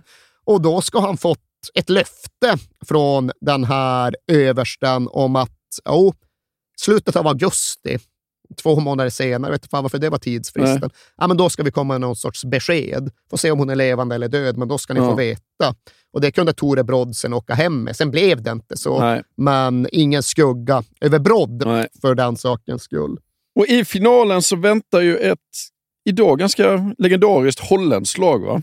Ja, är det så legendariskt? Alltså, Nej, 74 är mer legendariskt. Ja, det är de allra flesta, tror jag, förknippar med det här laget. Ja, det är det som inte Cruyff var med ja. ja. Och Cruyff, han hade ju stannat hemma. Och det var länge också en del av myten om Argentina VM 78. För det hette, eller det antyddes ju under årtionden att det var Cruyffs ja, inte, inte särskilt tysta. Det var Cruyffs protest mot förhållandena i Argentina. Ja. Det var det ju inte. Nej. Och det är ju mycket runt Cruyff som vi gärna vill mytologisera några nivåer extra. Men här har han ju varit jättetydlig i alla sina memoarer och intervjuer med att anledningen var att ja, anledningen var det där kidnappningsförsöket och liksom behovet av att stanna hemma med familjen. Ja. Det var ju huvudanledningen. Ja. Och det var ingen liksom argentinskt anknuten kidnappning. Snarare så kanske Argentina kändes inte så säkert kanske. Ah, nej, och det var väl egentligen inte en särskilt välinformerad farhåga, men ändå ganska begriplig. Ja. Sen var det det att ja, han, han ville inte vara borta mer än en månad från familjen, oavsett var mästerskapet spelades eller hur det skulle gå till. Han kände ett behov av att vara hemma och så var det med Cruyff. Men sen var det ju inte ett eh, talangsvagt nederländskt landslag på något Nej. sätt. Men jag tror väl ändå, ja, men vad minns du från Holland i VM 78? Att min- Ari Hahn sköt skithårt från långt håll. Ja, och att min pappa alltid pratade om René och Willy van der Kerkhoff. Ja, vad sa han om dem då? Nej, han bara tyckte de var jävligt fina. Ändå Och finsmakar... Rensenbrink. eh, Eh, ja. Här skulle man kunna dra rätt många i laget faktiskt, känner jag. Ja, det borde ju vara just din barndom Ja. vi pratar om. Men du har inga minnen av att du satt hemma i Halmstad och såg Ari Hahn Ja, det gjorde jag skjuta? inte. Nej. Det, För, ja, det är i alla fall, jag kan inte säga att det är mina minnen, men det är ju det som är min första association. du, var, för- du var inte så född Nej, exakt, men man Du bygger- har ändå minnen. Nej, men jag säger ju att det inte är minnen, jag säger att det är associationer. Ja. Och liksom Hahn, han sköt väl han sköt i stort sett i krysset två gånger om. Lite lägre, men vi säger krysset. Ja. Och först är det ju Sepp Maier han besegrar från 30-32 meter. Ja. Och sen är det Dino Soff. Han övervinner från 35, 37, 38 meter. Ja. Så än idag tror jag liksom det finns någon så här idé om att holländarna, de är ena jävla distansskyttar. Ja. Och egentligen är det bara Ari Hahn och sen Ronald Koeman. Liksom. Ja, några till du. Då? jag vill nog fan mig eh, säga att eh, nej, de var bra på att skjuta. ja, det, det, jag, jag, jag orkar inte liksom bara argumentera. Holländarna är grymma på att skjuta. Ja, nej, det, jag tycker du bevisar min poäng. att enbart de där Ari Hahn-bomberna och några släggor från Koeman. var Inte liksom- bara några, det var ganska många du. Ja, men det är ju, du får ändå bara ihop två spelare. Och sen, alltså, jag fattar också att ifall ni sätter, kolla här, det sköts distansskott i holländska ligan så sent som förra helgen. Jo, jo, Ja. men det är ingen central del av Men, deras men, men det som är däremot intressant, som vi har pratat om tidigare, är ju att på den här tiden så vandrar de ju in eh, 10 meter in på motståndarens eh, planhalva och sköt. Det gör man ju aldrig idag, därför att har du bollen under kontroll, eh, alltså i den delen av planen, du, du skulle inte slarva bort genom Nej. att skjuta, du skulle bygga anfallsspel. Liksom. Sen får du inte vandra på det sättet heller ifall du möter ett Bob och Roy-lag med press. Nej. Men möter du Åbys märkliga gäng, ja, då kan du få promenera omkring. Och Ja. Bevisligen även när du möter Västtyskland. Och jag tror inte vi kan lasta Italien, för där är han så jävla långt Ja. ut. Ja, vi efter, efterlyser bland lyssnarna fler spelare i Holland som bevisar att min tes håller. Ja, alltså tesen är- måste ju då vara, tesen är inte att det har skjutits distansskott av holländare. Tesen, eller frågan, rör huruvida det är riktigt att påstå att distansskytte är en central del av holländsk fotbollskultur. Ja, du behöver inte säga det så. Bra jävla holländska distansskyttar. Ja. Ge mig tips på dem så ska jag lägga ut det på VVK Podcast. Nu tar vi oss härifrån Ja. och återvänder till VM. Och eftersom att det är final på gång kan vi ju även ta några ord om den nederländska vägen dit. Och nu pratar jag inte om något kvalspel och vi har redan nämnt Ari Hans distansskytte, utan nu är jag ju snarare inne på den ja, men samhälleliga debatten. För holländarna hade också haft en ganska stark och högljudd opposition mot mästerskapet.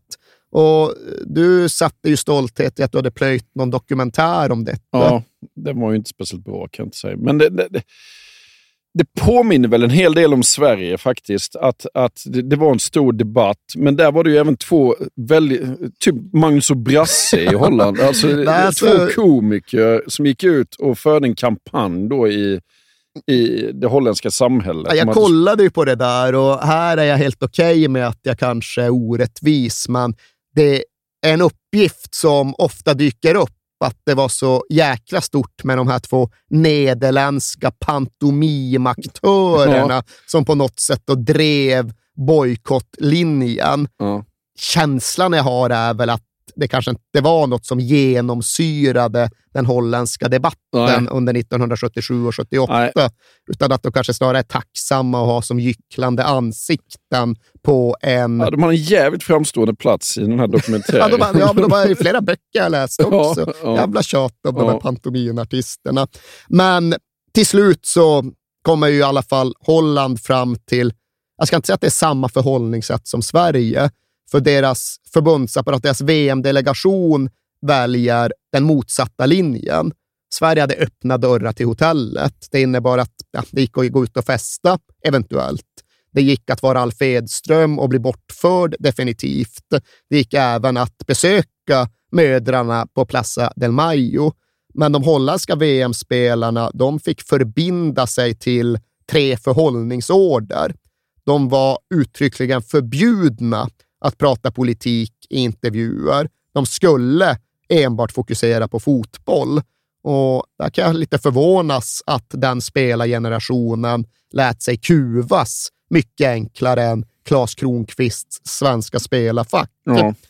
Därtill så skulle de varken synas med representanter från argentinsk regering eller militär. Det var väl ganska lätt att gå med på det, känns Ja, det. Det var ja. väl rimligt. Sen var de därtill förbjudna att besöka någon plats med politisk aktivitet. Mhm. Och det är väl lite mer svårtuggat. Typ för- alla platser som finns i hela Argentina. Ja, det kan man ju. Ja. Dels, men det här syftade ju på Plaza del Mayo. Ja. Det var ju det som var skrivet. Ni ska inte dyka upp med mödrarna och göra ett stort nummer av det. Nej. Och det förhindrades då de holländska spelarna från. Men sen var det ändå så att eh, två, jag tror det var så att båda deras turneringar tog slut i förtid på grund av skador. Och de såg till att dra dit. Wim Reisbergen och Wim Sorbie. De ska ha varit där, men ja, då som redan utskrivna spelare och därför inte föremål för några repressalier från ett fotbollsförbund som förmodligen kände själva att ja, men fan, vi hade rätt hela tiden. Vad är det vi har sagt? För titta här vad det är som händer. Och nu är jag framme precis vid VM-finalen och ett jävla flagrant exempel på en sorts manipulation i just en skärningspunkt där fotboll möter politik och samhälle. För vi har tidigare nämnt att den argentinska pressen var hunsad vid den här tiden. Men det är nog inte en tillräcklig beskrivning för i alla fall delar av den gick i militärens direkta ledband. Och det jag nu anspelar på, det är självaste dagen för VM-finalen. Då publicerar den stora argentinska tidningen El Grafico ett öppet brev underskrivet av den holländska kaptenen Rod Kroll.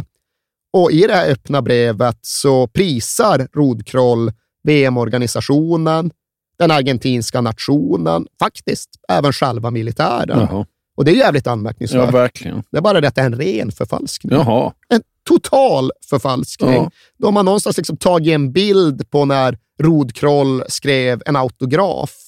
Sen har de manipulerat den till att bli liksom en bild på hur han författade det öppna brevet. Och sen har de kommit på det helt själva. Ja. Och är det av politiskt intresse de gör det för att verkligen få liksom ett eftertryck i hur bra allt har gått för juntan? Eller av sportsliga skäl. De vill bara stöka till det Ja, så mycket det. som möjligt för holländarna. Men tänk själv, det är rätt smart. Därför att väldigt många argentinare läser det här, så kanske blir ramaskri i internationell press. Det kommer inte de märka Nej, ändå. och det är inte så att Rod Kroll kan gå ut på sitt Instagramkonto Nej. och ställa saker till rätta Nej. 1978. Så ja, smart kanske är ordet. Det Ja. finns andra, men det hände i alla fall. Juntan är street smart. Ja, och alltså, jag tror oavsett politiskt styre så hade nog inte holländarna bara kunnat valsa in till den här VM-finalen och spela den opåverkade av störningar och psykologisk krigföring. Det hade nog skett oberoende av generaler och amiraler. Ja. Men nu kanske det förstärktes av dessa. Det, det var i alla fall mycket skit på väg fram Ja. till match för holländarna. Det var den där förfalskningen, det var en väg till arenan som tydligen var ganska helvetisk. De liksom satte dit en busschaufför som ja, men körde massa detours genom ruffiga Barrios och helt plötsligt är det liksom återväska. Folk bara bultar på bussen och det tar hur länge som helst. Det ska väl ta 30 minuter. Sitta i bussen i flera timmar liksom. Ja. Och ja, påtryckningar utifrån. De kommer fram till arenan, de ska spela matchen, de går ut för att göra det och så står de där ensamma på planen. Argentina kommer ju inte. Fan, det är avspark nu. Ja. Ja, de liksom släntrar ut fem minuter senare och efter utsatt avsparkstid så börjar de gnälla på din kompis René van der Kerkhoff. Jaha. För han hade ju spelat hela turneringen med ett lättare gips Ja. på armen och nu skulle de liksom påstå att det inte var förenligt med regelverket. Det här medför skaderisk för våra spelare. Ja, men vad fan. Det är ett väldigt lätt gips. Han har ju redan spelat hela VM-turneringen med detta. Och det man här kan önska sig, det är ju en domare som bara säger sluta tjafsa, börja spela. Ni ska vara jävligt glada att ni inte redan är tilldömda en förlust för ni är sena till avspark Ja, ja, ja. final. Men ja, den italienska domaren Gonella väljer inte den vägen. Och här finns det ett litet gytter kring just domartillsättandet. Det, ja, det sägs att de flesta som har varit inblandade i och berörda av domartillsättning var överens om att den här israelen Klein var bäst i turneringen, bäst i världen. Och han hade stått emot när argentinarna försökte fiffla fram några straffar mot Italien. Han borde ha fått finalen. Argentinas organisationskommitté såg till att han inte fick finalen, att den här Gonella fick det istället. Var det för att han var svag eller var det för att han rätt utav kunde antas luta åt ett visst håll? Tusan vet, Nej. men det här skötte han inget bra. Nej. Det här runt avspark. Det, det ska de inte komma undan med. Vad hände med van der Kerkhoff då? Ja, han fick liksom lägga på några varv extra bandage, Ja. men sen fick han spela.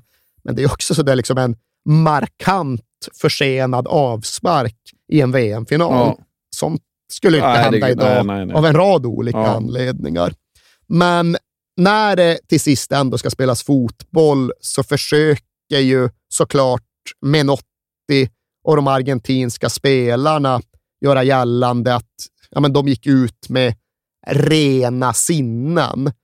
De ville desperat gärna vinna, men detta då ja, men såklart för deras egen skull och för deras landsmans skull. Och det har inte funnits någon bandare i det argentinska omklädningsrummet. Det har inte funnits några dokumentärfilmskameror. Men Menotti själv och vissa runt honom berättar ju att det han trycker på i sitt peptalk, det är liksom, det är vi som är Argentina. Det är vi som är folket. Vi fotbollsspelare. Vi kommer från de utsatta samhällsklasserna och vi representerar det enda som är rent i det här landet, fotbollen.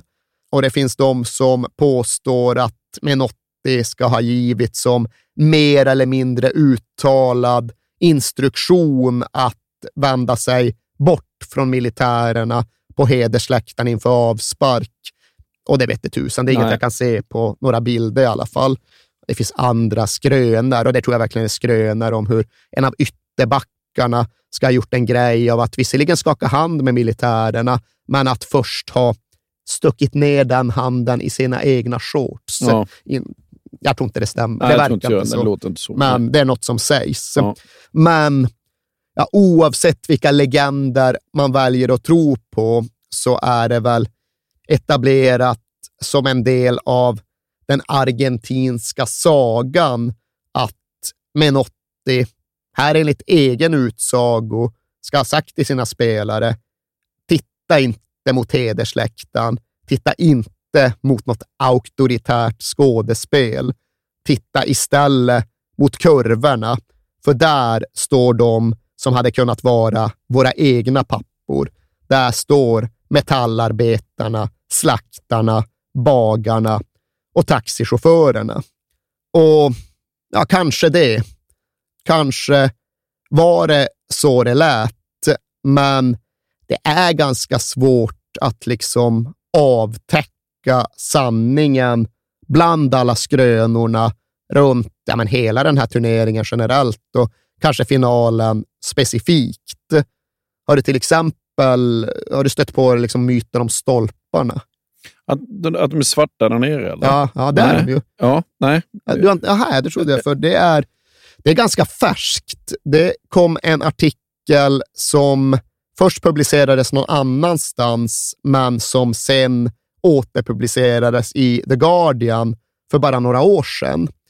Och då var det då en brittisk skribent som hade varit i Buenos Aires och som vecklade ut en helt förtrollad historia om hur han skulle ha varit, ja, men kanske i din ålder, kanske lite äldre, fascinerats av liksom allt det exotiska med VM i Argentina 78 och framför allt fastnat för det där med att det fanns ja, men ett litet svart band långt nere på stolparna. Ja, typ en och en halv decimeter högt. Ja, lite Ja. knappt kanske, kanske Ja. ännu lite mer. Och han hade liksom alltid undrat varför det såg ut så egentligen. Och i den här artikeln så målar han upp någon form av äventyr som leder honom från den ena Argentinan till den andra, hela tiden allt närmare sanningen.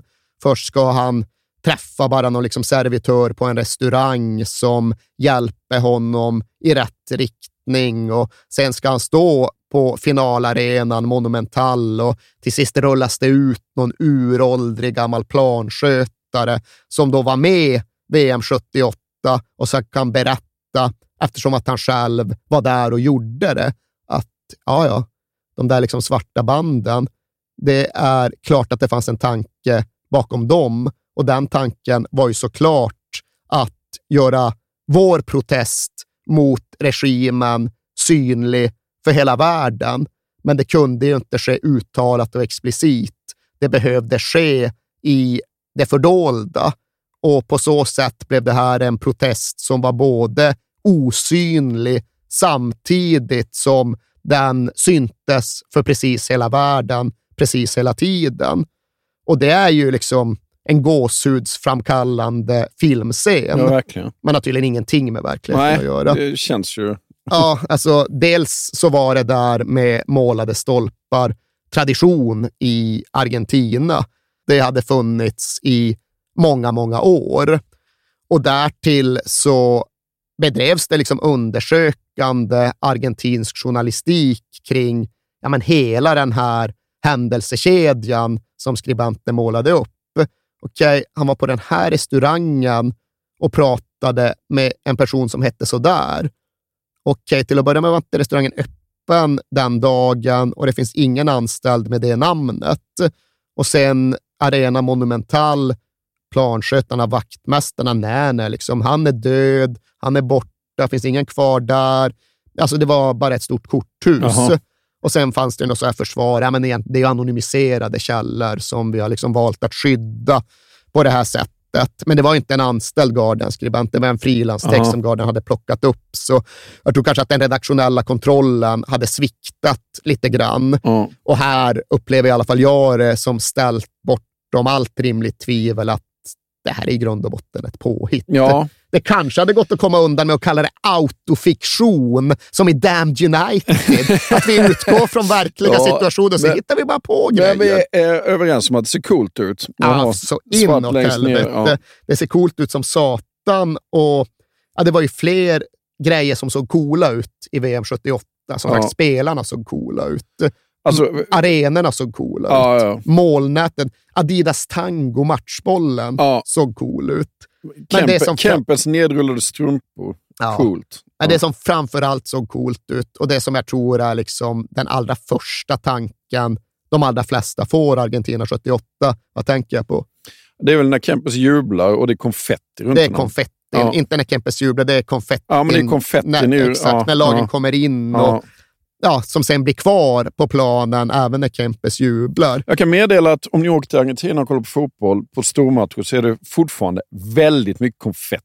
Ja, det var inte heller en tradition som uppstod där, utan den spårar de väl själva tillbaka till 1960-talet. Och här Ja. kan vi snurra in oss, för det är något att Quilmes, alltså klubben från staden med Ja, ölbryggeriet, det. de började kasta upp så avlagda öletiketter i Ja, luften och det ska ja. ha med det att göra.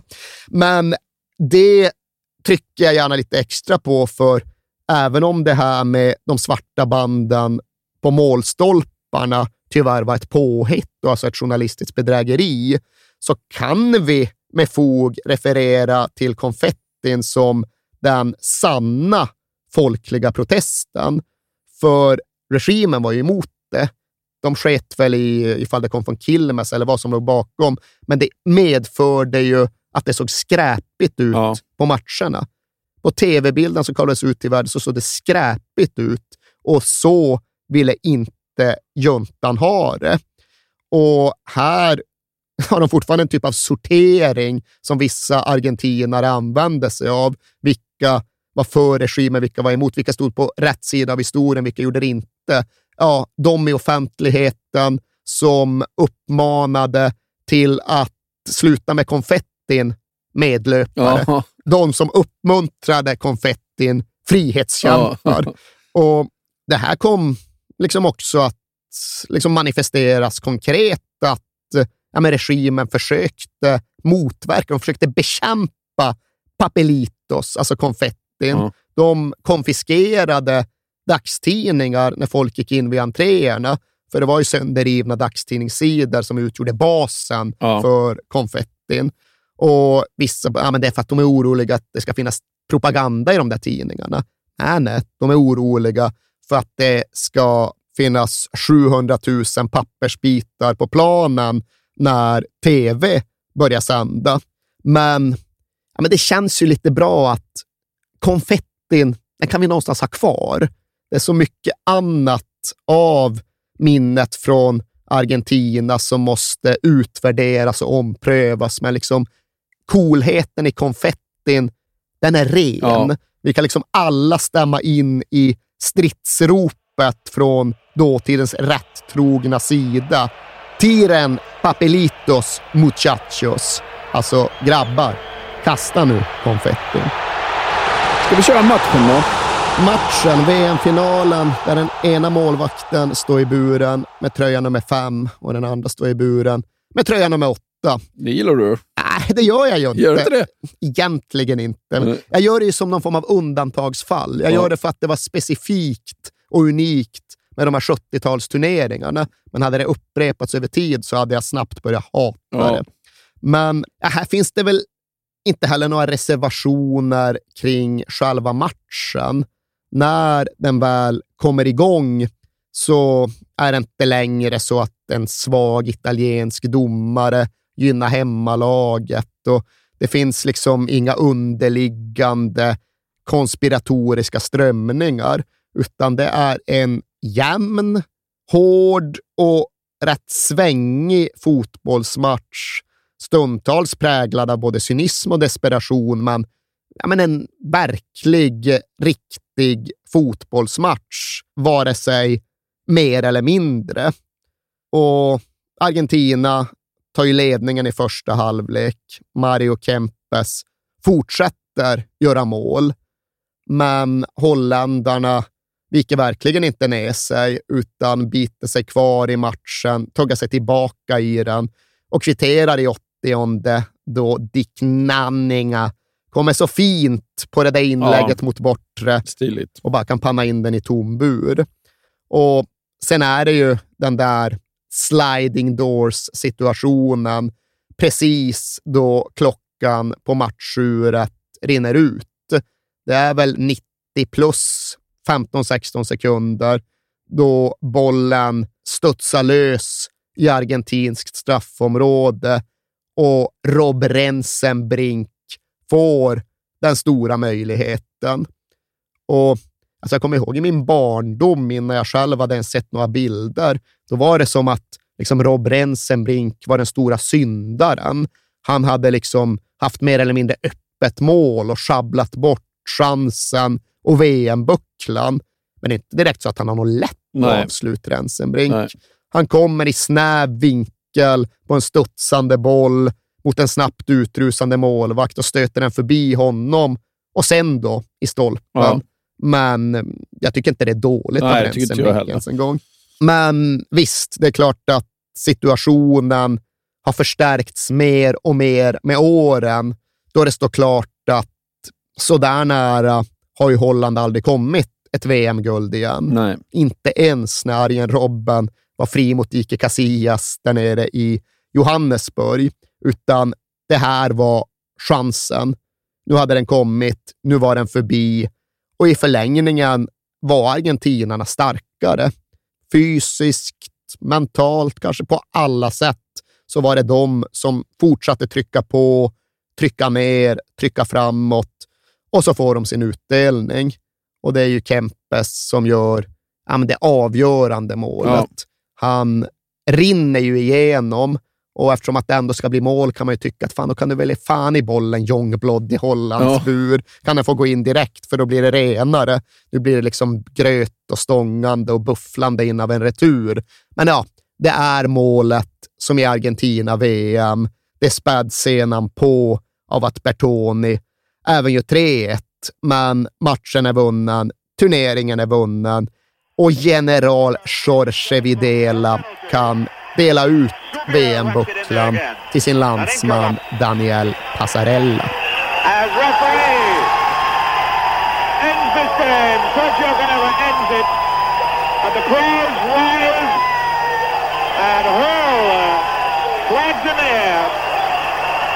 3-1, uh, Argentina have won the World Cup. And the noise is absolutely deafening. Cesar Luis Manaki, the technical director of the side. There they are, champions of the world 1978. Bra för generalerna, men det här blir ju höjdpunkten i livet för många av spelarna. Ja, eh, ja naturligtvis och nej, egentligen inte alls på en och samma gång. För i och med att det var det VM som det var så vet jag ju att ja, men så gott som alla de här spelarna upplever ju sig själva som diktaturens offer snarare än diktaturens medlöpare och medhjälpare. Ja, det är möjligt att Videla fick lite propagandistisk glans här, men tro inte att vi fick några sportsliga fördelar. Liksom det jag sett och resonera, det påminner ju mycket om det vi minns från Juventus runt tiden för Calciopoli. Att de går ju inte med på, för dem är det helt otänkbart att de på något sätt skulle ha fått sportsliga fördelar.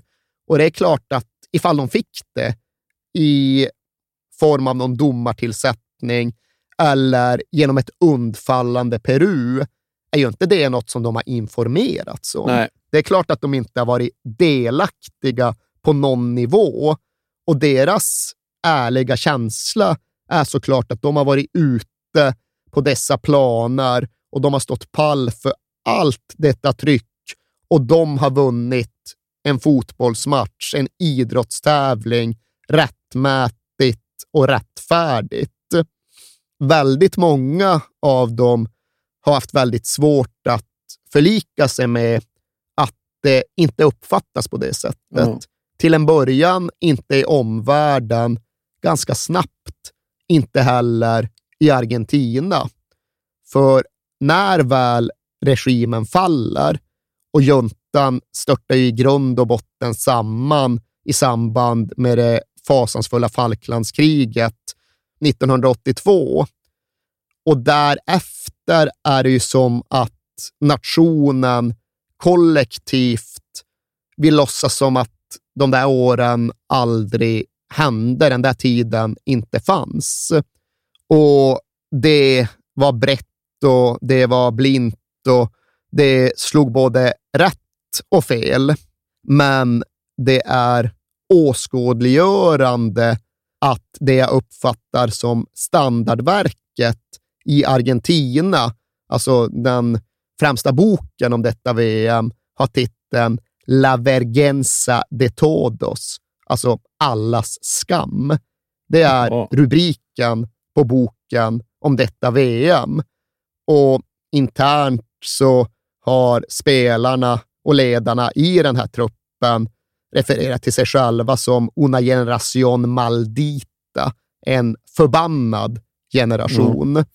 För ja, om inte deras bedrifter ifrågasattes så begravdes de. Och jag tror det finns något rätt talande i punkten där vi var ja, för rätt länge sedan, där vi skulle liksom gå igenom den argentinska truppen och konstatera att i stort sett alla de här är ju spelare som ingen människa har hört talas om. Ja. Det beror på någonting. Ja. Det är av anledningen är att de inte har blivit lika upphöjda och dyrkade som andra sydamerikanska världsmästare. Istället har de blivit aktivt förpassade till det fördolda. Och liksom det argentinska förbundet, när det har varit något jubileum eller någon årsdag för guldet 86, då jävlar är det puker och trumpeter. Men när det är årsdagen för VM 78, absolut ingenting. Nej. Och nu har det väl börjat luckras upp, men jag tror det var alltså 35-årsdagen efter guldet och då är vi ju då 2013 som det för första gången gjordes någon liten antydan till högtidlighållande från förbundshåll. Och även då var det liksom rätt småskaligt. Ja. Och, och det är en sak för Mario Kempes. Han har just den där ändå ikoniska statusen och han har till och med fått någon arena döpt efter Ja. sig. Och när det skedde så var det flera av de andra spelarna som kände, ja, men kanske kan det här innebära att vi också får vårt erkännande och vår upprättelse. Men till sak hör ju också att flera av dem sjönk ner i ja, men faktiskt fattigdom Ja. senare i sina liv. Det var inte några jättelöner de hade tjänat som spelare och det var inte heller liksom någon lukrativ andrahandsmarknad när de bara kunde glida runt och casha in på att vara världsmästare i all framtid, utan tvärtom. Det var fler dörrar som de upplevde som stängda än som öppnades för dem. Men jag tror, jag, om jag inte har fattat det fel, så har faktiskt då AFA, som det argentinska förbundet heter, sen den där 35-årsdagen 2013 kommit att börja betala ut någon typ av men månadsersättning till de mest behövande i den här spelargruppen. Alltså de som faktiskt kämpade för att överleva. De får numera i alla fall lite hjälp. Ja. Alltså, rätt, fel, ena sidan, andra sidan. Vad skulle de ha gjort? Vad skulle du ha gjort? Kanske borde de argentinska spelarna gjort lite mer och hörts lite tydligare. Men jag har jättesvårt att klandra dem Verkligen. på någon individuell nivå. Jag tycker det är sorgligt att höra att det blev så här för så många av dem. Men med det sagt, det är klart att de inte är de stora offren här. Det är inte de som det verkligen är synd om, utan det är givetvis familjerna som förlorade närstående. Och de familjerna räknas ju definitivt i tiotusental. Och när allt kommer kring så är det ju inte konfettin som är den starkaste bilden från Argentina-VM, den som verkligen stannar kvar i mig, utan det är en bild som aldrig har fångats med en kamera, utan som bara har målats upp av de berördas berättelser. Och den utgår ju ifrån den här situationen där det bara var några hundra meter från finalarenan till koncentrationslägret Esma. Och det medförde ju till att börja med att jublet från målfirandena trängde in till fångarna i cellerna och i källarna. Och det är ju i sig gripande makabert. Men det som sen följde på det stora finalfirandet griper mig ännu mer. För det finns en av de ja, men, överlevande gerillakämparna som heter Graciela Daleo.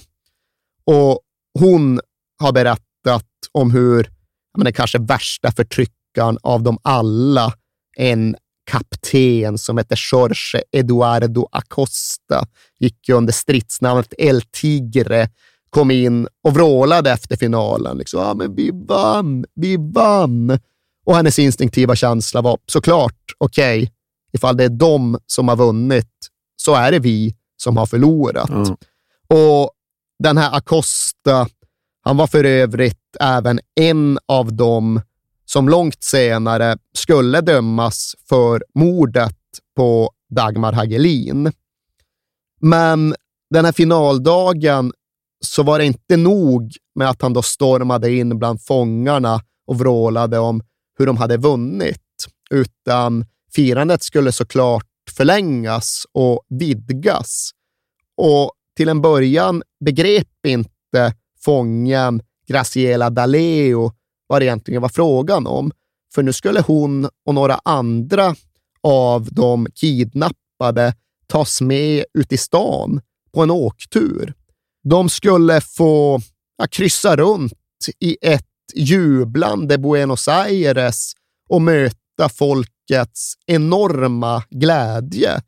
Och de skulle till och med liksom få liksom sticka ut sina huvuden och supa in segervinden från en öppen taklucka.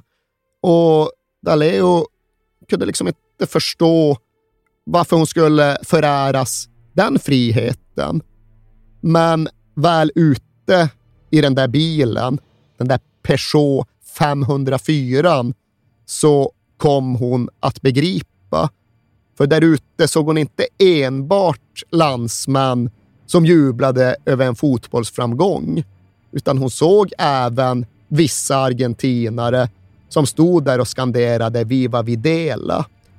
Och det var nedslående i sig, men än värre var den förlamande insikten som sen välde in över henne.